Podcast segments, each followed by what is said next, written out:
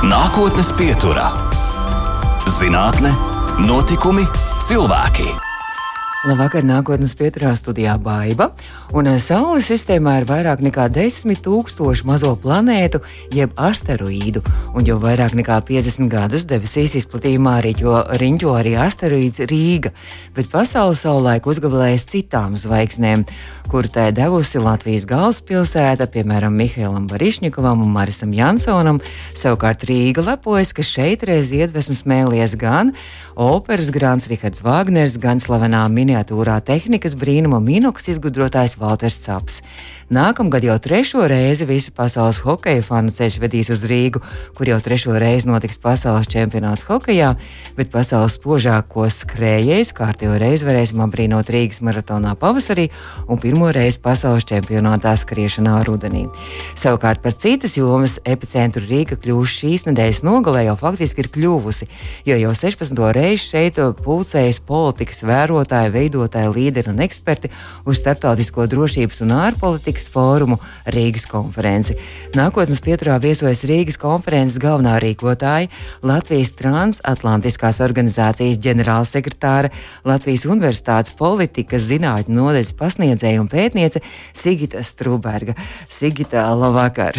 Labvakar! Un jūs esat tik skaisti sapucējusies, ka man jau skaidrs, ka konference jau īstenībā ir sākusies kaut gan oficiāla atklāšana laikam ir rīt.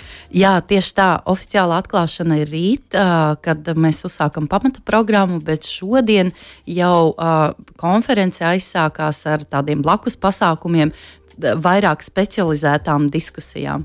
Un burtiski, burtiski pirms rādījuma sākuma neilgi tad arī beidzās šīs dienas, noslēdzās, un jūs paspējāt atskriet arī pie mums. Jā, jā, un šodien uh, diskus, pēdējā diskusija, ko mēs varējām skatīties un vērot, un to var uh, joprojām atrast noteikti arī internetā, diskusija bija par sieviešu lomu drošībā un sieviešu lomu konfliktu risināšanā. Līdz ar to tā, manuprāt, ir ļoti interesanta tēma īpaši šobrīd. Droši vien arī detalizētāk parunāsim par, par šīm tēmatām, tēmām un tematiskajiem arī lokiem šajā konferencē, bet kas vispār ir Rīgas konference? Rīgas konference būtībā ir uh, nozīmīgākais drošības un ārējās politikas fórums. Es teiktu, pat uh, visā Ziemeļvalstu reģionā, ņemot vērā, ka Baltijas valstis uh, arī sevi uzskata par daļu no Ziemeļvalstīm. Un kā jūs jau pieminējāt, šis fórums jau noritēs 16. gadu pēc kārtas. Aizsākās tas līdz ar NATO samita norisi Rīgā, un kopš tā laika nemainīgi rudeņos mēs aicinām nozīmīgākos drošības politikas veidotājus, ārpolitikas veidotājus, ekspertus un žurnālistus pulcēties šeit Rīgā, lai apspriestu aktuālākos jautājumus. Skatījos, ka pirms diviem gadiem šī fóruma uzmanības centrā bija, protams, pandēmijas izraisītās sekas gan uz drošību, gan ekonomiku. Pagājušajā gadā laikam arī bija tā kā Eiropa, Eiropas sadarbība ar pasauli, arī Baltkrievijas jautājums, arī bija laikam Afganistānas ietekme uz pasaules drošību. Kas tad ir šogad? Droši vien jau varam nojaust. Bet, nu, tad... Jā, nu šeit es ne, nebūšu oriģināli, protams, ka tā ir Ukraina.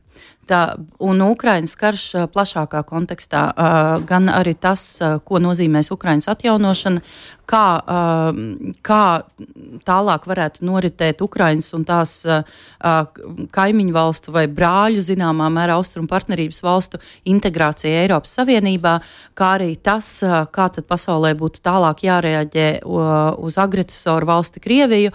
Un tāpat mēs uzdosim arī visai retorisku jautājumu, bet uzdosim pašiem Krievijas pārstāvjiem, oh, Krievijas opozīcijas būs? pārstāvjiem, oh, protams, jā, mm. opozīcijas pārstāvjiem par to, kāda tad varētu būt Krievijas nākotne pēc Putina bet droši vien arī, arī par ekonomiku runāsiet, par ekonomikas izaicinājumiem, kas šobrīd arī ir loģistikas un tā tālāk. Jā, protams, viena no diskusijām, kur piedalīsies arī Valdis Dombrovska kungs, būs veltīta globālajai ekonomikai un piegāžu ķēdēm sankciju laikā.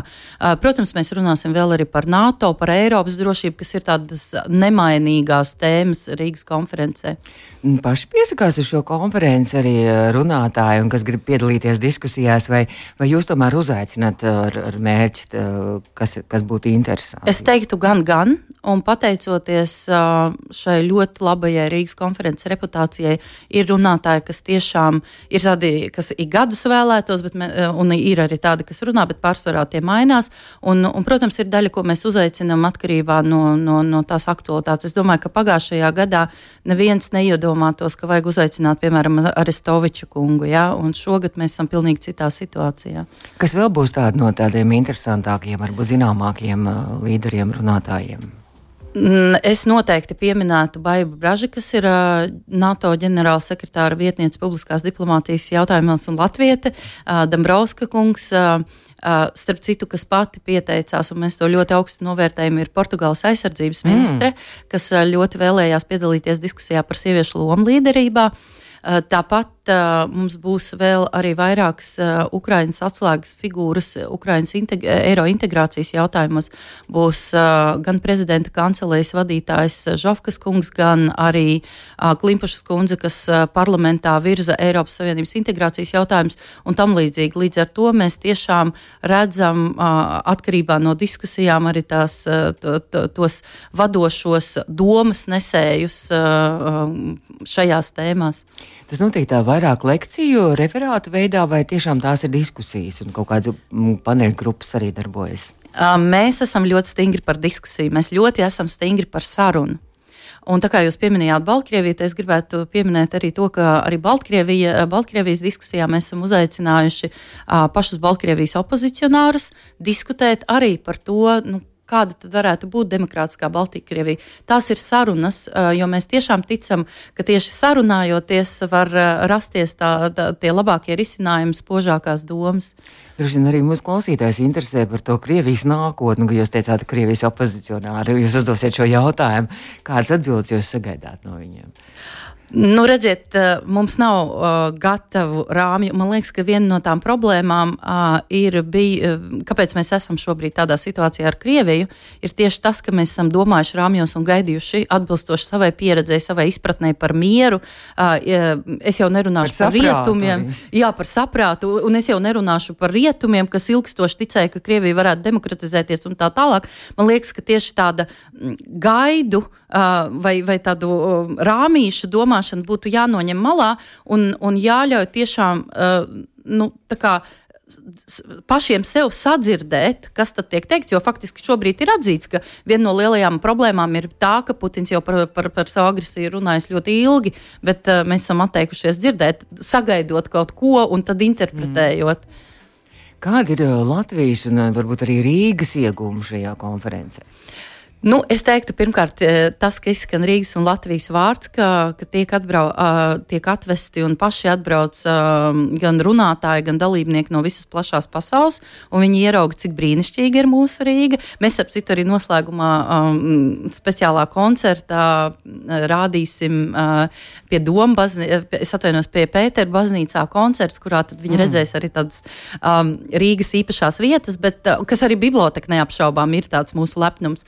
Bet uh, bez šī uh, kultūras faktora un, un varbūt uh, tādas tēla veidošanas faktora, kas, starp citu, ir nozīmīgs arī diplomātijā, ja, publiskā diplomātija, bet tā otra nozīmīgā lieta, protams, ir tā, ka faktiski Rīgas konference jau kādu laiku ir pierādījusi sevi kā vieta, kā platforma, kurā um, atkal jau diskusiju rezultātā rodas tā skaitā politiskās iniciatīvas, un ir bijuši praktiski piemēri, ka Rīgas konferencē izrunātais pēc tam tiek ieviests ne tikai Latvijas politikās, mm. bet arī Eiropas līmeņa politikā.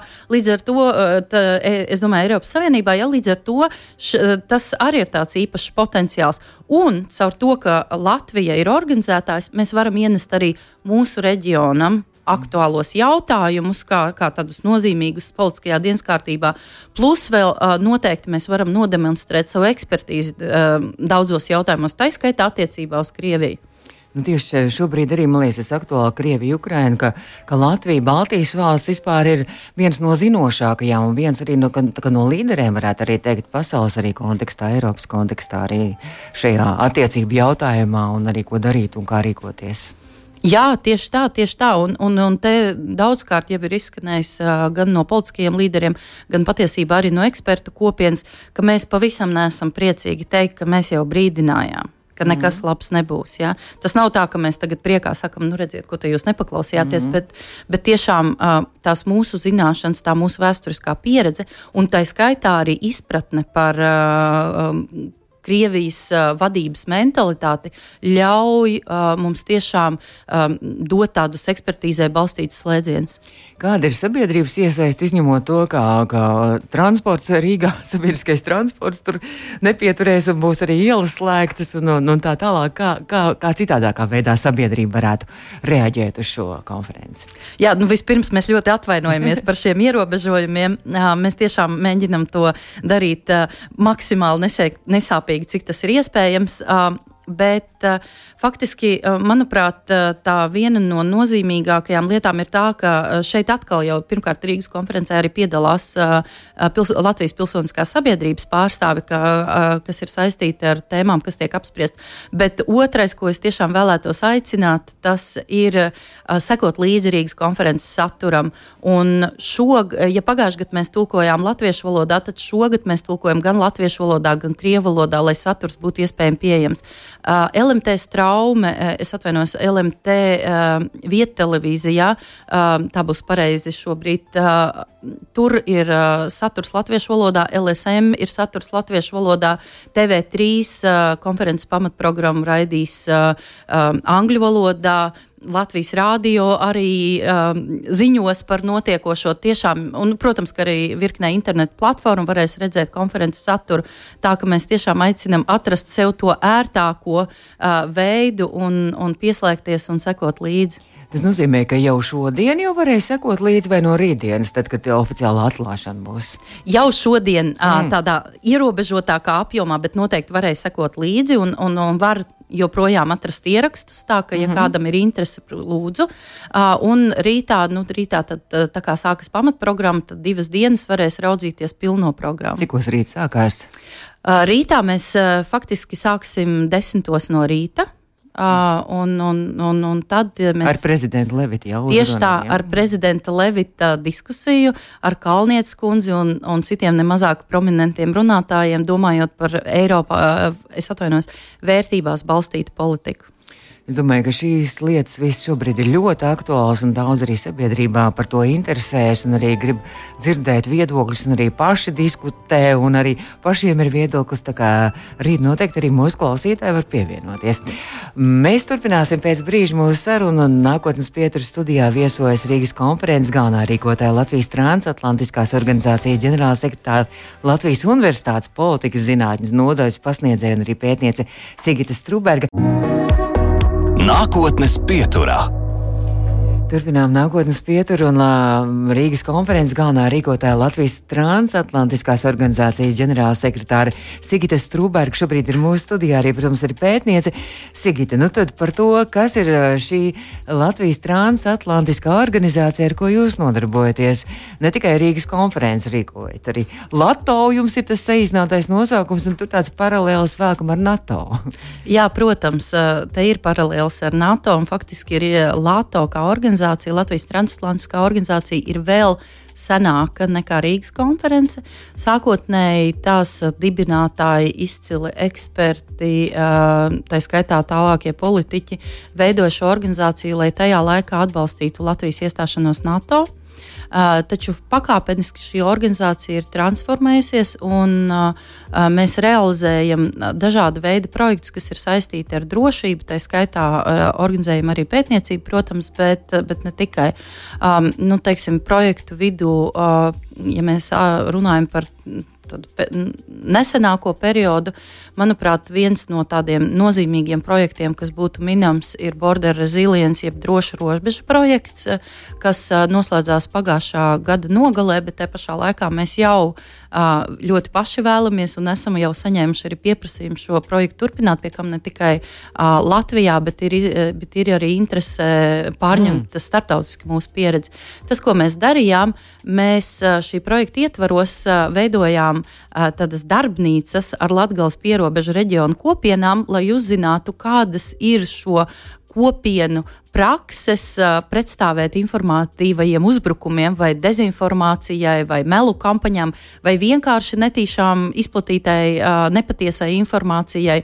Un no tām veidojās tādi lielāki globāli, ne tikai lokāli secinājumi par to, ka, piemēram, robe, pierobežu pašvaldībās nebija skaidrs, kā tad varētu komunicēt ar nacionālo līmeni, ja ir saņemta kāda uh, informācija, kas šķiet, ka varētu apdraudēt uh, robežu drošību. Mm. Ja? Un, faktiski tāpēc rezultātā mums izdevās apkopot uh, tos secinājumus arī politisko rekomendāciju formā. Mēs tiešām varam lepoties, ka uh, šis projekts kļuva par tādu tiltu starp reģionu pašvaldību iedzīvotājiem un uh, nacionālo līmeni. Valsts kanceleja um, dalījās kontaktos, uh, ar ko varētu komunicēt tajā brīdī, kad ir iestājusies krīzes situācija un tam līdzīgi. Bet tas nebija, protams, vienīgais. Šīs politikas rekomendācijas faktiski noveda arī pie zināmām nepieciešamām politiskām izmaiņām, kas bija arī mērķis. Un tas, ko mēs noteikti redzam, ka mēs gribētu arī tālāk strādāt šajā pašvaldību līmenī, lai veidotu tiltus starp nacionālo un, un, un lokālo līmeni, gan arī um, domātu, kā tad, uh, padarīt mūs izturētspējīgākus. Un izturētspēja šobrīd ir viens no tādiem atslēgas vārdiem, domājot par drošību. Tad vēl viens projekts, ar ko mēs tiešām arī ļoti lepojamies, ir projekts, ko mēs realizējam jaunajiem politiskiem līderiem. Mēs sākām uh, ar nacionālo jauniešiem, ja? jauniešiem mm -hmm. tieši tā. Un mēs sākām ar īsi, īsi pirms pandēmijas. Faktiski mēs vienu dienu vai pāris dienas pirms, uh, pirms visiem ierobežojumiem vēl sarīkojām pirmo jauniešu tikšanos, kas bija Latvijas jauniešu tikšanos. Pēc tam mēs pārgājām online.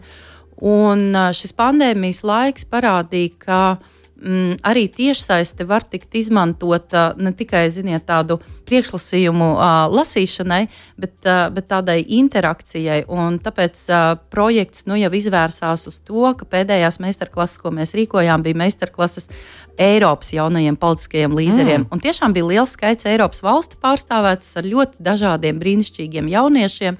Un tas uzsvers bija likts tiešām nevis uz lekciju priekšlasīšanu, bet uh, uz tādām praktiskām meistarklasēm, piemēram, runas mākslu, simulācijas spēlēm, kā rīkoties uh, krīzes situācijās un tam līdzīgi. Un mēs noteikti šo projektu turpināsim. Un trešais, pēdējais, bet ko kā viņi jūs atrada, uh, šie visi starptautiskie jaunieši? Nu, mēs uzrunājām jauniešus caur dažādām uh, internetu platformām, mm -hmm. sūtījām uz universitātēm aicinājumus, un, un faktiski jā, mēs ieguvām saņēmām tādu plašu atsaucību. Tā kā ja šobrīd mūs kāds klausās, tad šis droši vien turpināsies. Un tā kā jaunieši arī var pievērst uzmanību un tādās aizraujošās arī piedalīties arī šādos aizraujošos arī pasākumos. Pilnīgi noteikti. Un šogad jau mēs runājam Rīgas konferences laikā, bet mums ir arī nākotnes līderu fórums Rīgas konferences ietvaros.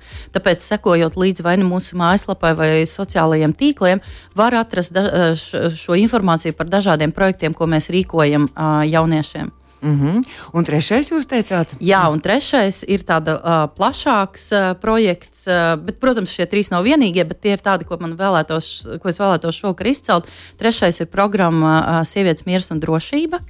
Šīs programmas ietvaros ir, ir vairāki soļi, pie kā mēs esam uzsākuši strādāt. Viens ir filmas veidošana par sievietēm armijā.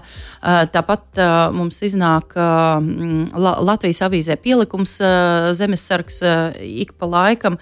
Mēs publicējam par sievietēm armijā, sievietēm zemesardzē, sievietēm armijā Ukrainā un tam, un tam līdzīgu saturu. Uh, Bet uh, tad uh, vēl tā daļa, kas ir šajā programmā, ir uh, mentoringa programma jaunajām uh, sievietēm, kas interesējas par drošības jautājumiem, pie kam tādā plašā spektrā, sākot no kiberdrošības līdz tādiem tā saucamā soft security jautājumiem. Un te mēs esam raduši iespēju um, aicināt sievietes līderes, un Latvijā tādas ir lieliskas sievietes līderes, kas nodarbojas ar drošības jautājumiem, um, aicināt viņas kļūt par mentorēm šīm jaunajām sievietēm, profesionālēm, un izstāstīt gan savu pieredzi, gan savus izaicinājumus, gan arī iedvesmot uh, jaunās meitenes tās, uh, to karjeru veidošanas procesā. Tāpat arī šīs programmas ietvaros mēs rīkosim novembrī pirmās Baltijā sieviešu miera sarunu vedēju kursu, mm.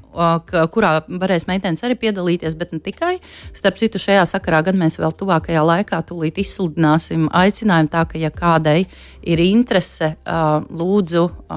Izskatiet iespēju pieteikties. Jā, visai interesanti um, šīs uh, miera sarunas, nu, teiksim, kur mēģināja kaut kādu, vismaz pirms kāda laika, bija starp Ukrainu un arī Krieviju. Tur arī neviena sieviete nepiedalījās laikam. Ja. Nu, tajās top sarunās, ko mēs redzējām televīzijā, mm. noteikti nē, tiešām. Un, un tas bija tēma par to, ka mēs redzam, ka sievietes nepiedalījās šajās top sarunās. Vienlaikus ir jāsaka, ka, ka Ukraina ir unikāls piemērs ar to, ka, ja mēs paskatāmies šobrīd, Tad sievietes Ukrainas ir iesaistītas sarunās par ieroču piegādēm, sarunās par, par, par dažādiem politiskajiem atbalstiem un tā tālāk. Un šeit mums ir no Ukrainas ko mācīties. Tāpat kā mums ir ko mācīties attiecībā uz sievietēm, tādā militārajā pašā augšgalā, uz sievietēm ģenerālēm un tam līdzīgi. Un te Ukraina var rādīt tādu uh, lielisku uh, piemēru Um, arī Rīgas konferencē arī būs par šīm sievietēm, politikā, sievietēm, līderiem, sievietēm, uh, mieru sarunu vedējām arī būs īpaša sadaļa. Arī, ja? Jā, tieši tā. Um, Parīt mums būs uh, diskusija par tēmu ko sievietes līderis var ienest politiskajā dienas kārtībā, un pētījumi rāda, ka sievietes kopumā ir uh, vairāk uz mieru vērstas. Tās, uh, tās sarunas arī pirms konflikta, kur uh, ir iesaistītas arī sievietes, būs vairāk tendētas uz to, kā tiks meklēt vairāk miera risinājumi. Tāpēc, un ir arī uh, specifiski konflikta aspekti, ko, kurā uh, sieviešu iesaiste ir kritiski nozīmīga. Nu, piemēram, tuvajos austrumos, kopienās uh, iet ar sievietēm, runāt nevarēs vīrieši. Tur ir nepieciešams sievietes. Bet šādu piemēru ir ļoti daudz. Vienlaikus pētījumi rāda, ka pret sievietēm līderēm, arī tā skaitā drošībā, kopumā sabiedrība ir daudz kritiskāk noskaņota mm -hmm. nekā pret vīriešiem līderiem. Sievietes politiķes tiek kritizētas daudz biežāk. Bet kāpēc? Un, nu, to, tie, tie ir tie sabiedrības stereotipi. Mm. No sievietes tiek prasīts daudz vairāk.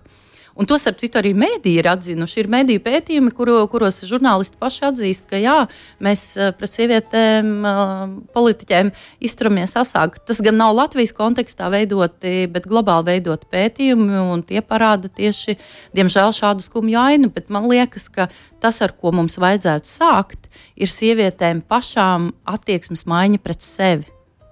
Bet droši vien arī sievietēm ir eh, ilgāks laiks paiet, un arī grūtāk ir iekarot arī šo līdzvērtīgo statusu, savu vietu arī šajā pasaulē, politikas pasaulē, šajā kā vīriešu pasaulē. Protams, jā, viens ir šī sabiedrības kritiskā attieksme, uh, nu, tāda kritiskāka pret sievietēm līderēm. Tāpat uh, ir jāņem vērā, ka sievietes uh, sociālās lomas pieprasa vēl arī uh, dažādas papildus uh, funkciju veikšanu. Ja? Um, teiksim, karjeras veidošanā nozīmīgs ir jautājums par, uh, par bērnu audzināšanu. Ja? Ko nozīmē, ka tu aizej bērnu kopšanas atvaļinājumā, kā tu atgriezies, vai tev nav radīti kādi uh, papildus šķēršļi, lai tu varētu pilnvērtīgi atgriezties uh, savā um, amatā. Uh, tāpat arī um, tas, ko parāda pētījumi, uh, kā mm, faktiski sievietes arī papildus joprojām ir, protams, nu, nozīmīgas izmaiņas, bet tomēr joprojām sievietēm mājās tie papildus pienākumi ir nu, ievērojami vairāk nekā vīriešiem. Un starp citu, Covid pētījumi arī parādīja tieši šo situāciju, ka sievietes uh, uh, Covid, Covid ietekmei bija pakļauts daudz vairāk nekā vīrieši, sākot ar to, ka vairumā gadījumu bērnu apmācīšanu mājās uzņēmās sievietes, beidzot ar to, ka sievietes biežāk tika atlaistas no darba un cieta dažādus citus ekonomiskus izaicinājumus. Runājot par pētījumiem, ja jau mēs sākām, tad jūs arī universitātē, jums arī uh, veselai pētnieku komandai bija arī nemaldos pagājušajā gadā noslēdzās šis pētījums Latvijas iedzīvotāju subjektīvā drošības uztvere ietekmi uz drošības politikas veidošanu, kur jūs arī lielā mērā arī piedalījāties par, šo, par šīm sadaļām, par to drošību. Kādas tur jūs izcēlāt tās galvenās tēmas? Faktiski tas, ko mēs mēģinājām veidot, eh, sākotnēji neizcelt tēmas, bet jautāt cilvēkiem, kas ir tās drošības dimensijas, par mm. ko cilvēki jūtas nedroši. Un tā kā mēs sākām 19. gadā, tad, protams, tie izaicinājumi bija pilnīgi citi nekā vēlāk jau. Un, un, protams, šobrīd tā aina būtu cita, bet, manuprāt, pētījums atklāja tādus ļoti nozīmīgus aspektus gan reģionu Rīgas attiecībās, redzot, ka faktiski reģioni savu drošības dienas kārtību veido atšķirīgi no Rīgas dienas kārtības, un tā nebūtu nav reģiona vaina. Tā drīzāk bieži vien ir arogantā uh, nacionālā līmeņa uh, attieksme pret uh, reģionu um, iedzīvotāju uh, izaicinājumiem, ar ko tie saskaras ikdienā, vai tas, par ko domā reģionu iedzīvotāji. Uh, bet tāpat bija arī citi aspekti, kas tika izcelti. Protams, ka pamatā cilvēki uztraucās par uh, sociāliem jautājumiem, veselību, par veselību, izglītību. bērnu izglītību, ja, ekonomisko nākotni. Un te atkal, protams, viens no tādiem nozīmīgiem jautājumiem 2019. gada zīmē bija, un arī faktiski tas atkārtojas 2021. gadā, pirms mēs noslēdzām pētījumu. Tas bija um, nu, tāds uh, uzticēšanās krīzes, uh, es atvainojos, jā, uzticēšanās krīze vai tāda milzīga uh, uzticēšanās nēsamība pret pārvaldi. Tas ir valdība, ja? Jā, valdība, valdība ne tikai valdības. Starp citu, pašvaldības šajā ziņā ir labākā situācijā, jo pašvaldības um, gan objektīvi, gan, gan subjektīvi, jo subjektīvi faktiski pašvaldība ir tev tuvāk.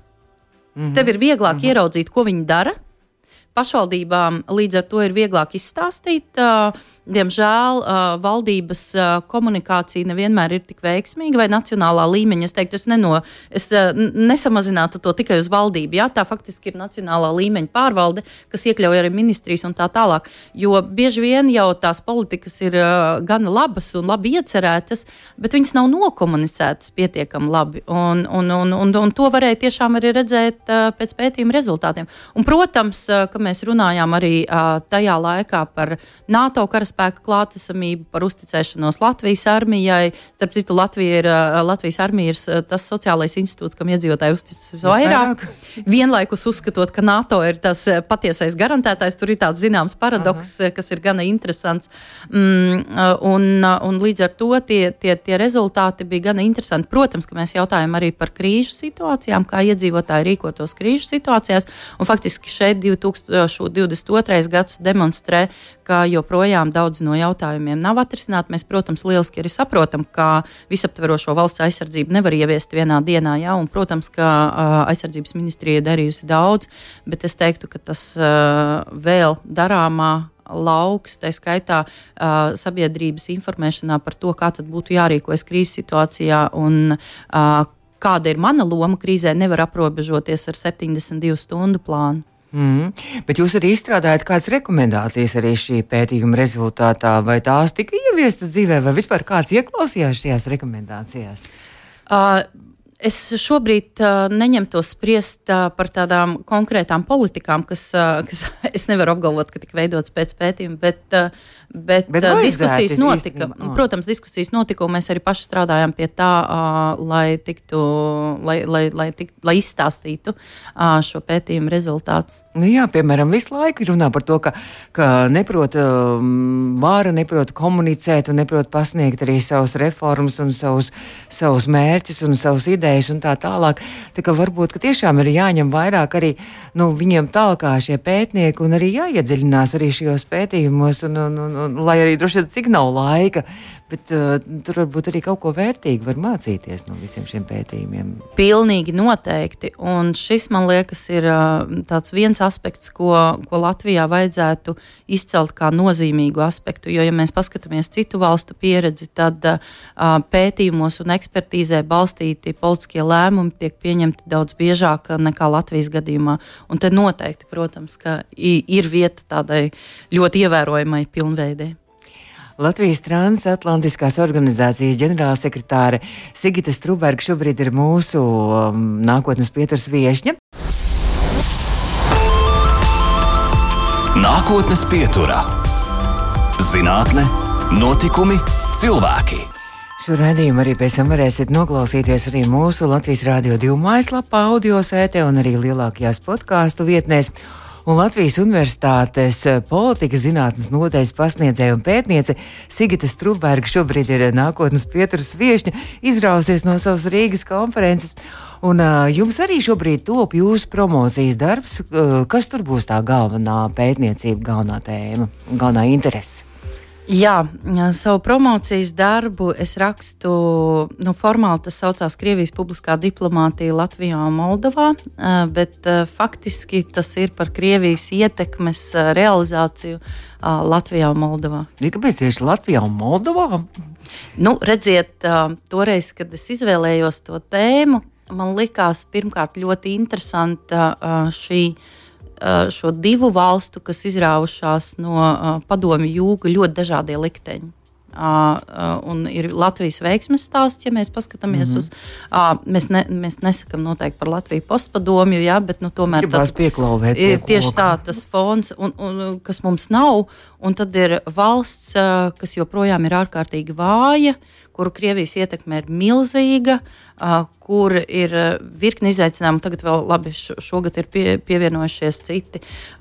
Un Krievijas ietekme, tas ir jautājums, kas man jau kopš politikas zinātnes studiju sākuma ir ļoti interesējis. Jā. Bet tas nozīmē, ka jūs arī ceļojat, dodaties uz Moldovu, arī tur uz vietas pētat un kaut ko aptaujājat, vai, vai, te, vai tas ir vairāk tā teorētiski no malas skatoties? Es biju arī Moldovā, jā, noteikti, un es domāju, ka pirms promocijas darba noslēgšanas braukšu vēl, jo man liekas ļoti nozīmīgi runāt uz vietas ar cilvēkiem mm -hmm. uh, un arī redzēt, sajust. Jo, jo um, lai cik nozīmīgi ir lasīt uh, virkni grāmatu, lai uzrakstītu disertāciju uh, vai promocijas darbu, bet vienlaikus, uh, manuprāt, to nevar izdarīt par kādu valsti, nesot uz vietas un arī nesajūtot, ne tikai, ne tikai aprakstot, bet arī ir jāsajūt. Vai Latvijas transatlantiskās organizācijas ģenerālsekretāri arī tad droši vien tā klausītāji var iedomāties, ka jūs daudz ceļojat. ceļojat un apceļojat visu pasauli, un droši vien arī vairāk arī savā, savās darba lietās. Arī, tas tā arī ir? Jā, tieši tā arī ir. Tas ir ļoti daudz, bet vienlaikus man liekas, ka tā ir tā viena no lielajām balvām, kas ir manā profesijā. Mm -hmm. Kurās valstīs tad būtu tā, tā būtu interesantāk arī jums būt nu, darba viedokļa? Nu, tas, uh, tas ir ļoti atkarīgs. Man ļoti īpašs periods pašai ir uh, Erasmus mobilitātes periods Spānijā uz uh, trīs mēnešiem, kur es devos. Un, uh, sākumā es braucu domājot, ka es pētīšu vienu tēmu, un beigās uh, tas, ko es izpētīju, bija krievulodīgā kopiena Spānijas dienvidos, kas, kas man likās ļoti interesanti tajā kontekstā. Pēc tam, pēc tam es pievienoju, kas varbūt nav ļoti oriģināli, bet Vācijas, Vācijas pieredzi. Un tad apkopojot, ir ļoti interesanti vērot šīs, šīs atšķirības krievulodīgo kopienās. Bet, bet nu, tā, protams, ka ļoti interesanta pieredze ir bijusi tas laiks, kad es docēju Ķīnā tā, ir pilnīgi cita kultūra, un tas arī parāda, kur noteikti negribētos līdz kam nonākt ne pie kādiem apstākļiem. Šeit baudot demokrātijas augļus un, un, un visus labumus. Mm, nu jā, tā, tie ir tādi laikam nozīmīgākie pieturas punkti. Bet ko Ķīnā jūs, jūs pasniedzāt lekcijas, ko jūs, ko jūs mācījāt, kādu priekšmetu? Um, tas bija uh, faktiski tajā laikā, vien, viens, protams, bija uh, šī, saistīts ar šo publisko diplomātiju, kas ir daļa no manas uh, promocijas darba. Vienlaikus uh, viena no nozīmīgām tēmām uh, tajā brīdī, kad mēs vēl diskutējām par vienu jostu, viena, viena, viena ceļa iniciatīvu, tad šī, šīs iniciatīvas ietvaros uh, Harbins Universitātē bija maģistra programma, kurā uh, padziļināti tika apgūts, uh, apgūta šī iniciatīva tajā laikā, dažādu valstu iesaiste uh, projektā, un faktiski tas, par ko es lasīju, bija um, par uh, centrālo un austrumu Eiropu, kā arī Baltijas valstīm. Mm -hmm. Nekā, īstenībā ļoti aizraujoša un interesanta dzīve, mēs varam teikt arī, jā, dodieties studēt politiku, politikas zinātnes, kā jūs tur vispār, kā jūs nonācāt līdz domai to studēt. Vai, jā, noteikti nākat studēt politikas zinātni, un es gribētu teikt, ka uh, dažkārt mums nāk daļa studenti, kas, uh, kas domā, ka, pie, ka politikas zinātnē apgūst, uh, to apgūst tikai topošie politiķi. Nē, tā pavisam nav. Bet tas, kā es nonācu, man bija skaidrs, ka matemātiku studēt man negribētos, un vienlaikus man ļoti interesēja politiskie procesi, sociālie procesi. Un, un ļoti gribējās strādāt ar cilvēkiem. Un pēc tam vienā brīdī es sapratu, ka man ļoti gribās strādāt ar jauniem cilvēkiem, un tad jau es nonācu līdz universitātei. Man jāsaka liels paldies, ka jūs atradāt laiku šajā saspringtajā Rīgas konferences laikā ātri izrauties uz Latvijas Rādio 2 un atnākt nākotnes pie, pieturā Sigita Struberga, Latvijas Universitātes pētniece un arī Latvijas transatlantiskās organizācijas ģenerālsekretāra, arī Rīgas konferences rīkotāji. Tad mēs vēl vienreiz varam atgādināt arī mūsu klausītājiem, ka tā tad var sekot arī līdz Rīgas konferencei. Sociālajos tīklos droši vien arī LSM jūs saucāt, jā? LSM, TV3, Latvijas Rādio, Latvijas televīzija. Um, tagad man bail kādu, kā, kādu nenosaukt, bet mm -hmm. to mhm. platformu tiešām ir ļoti daudz. Uh, lūdzu, sekojiet vai klausītāji, vai skatītāji, arī, kas sekos līdzi, vai arī ar kādiem jautājumiem, arī var tur arī piedalīties, arī uzdot jautājumus? Ja ir vēlme uzdot jautājumus, tad aicinam to darīt uh, mūsu uh, sociālo tīklu profilā iesakot Latvijas transatlantiskās organizācijas, piemēram, Facebook profilam, mm. kur tiks straumēts Rīgas konferences saturs, un tur noteikti tad varēs arī. Kad mo moderātoru diskusiju, moderātoru. Mēs nodosim arī... šos jautājumus moderatoriem. Tā mēs darījām iepriekšējos ah. gados, un arī šogad mēs tā darīsim. Nu, tad novēlam mūsu klausītājiem arī būt aktīviem, un mums redzījums izskan. Es saku lielu paldies, un uh, nākotnes pieturā arī izskan. Izskan nākotnes pieturā.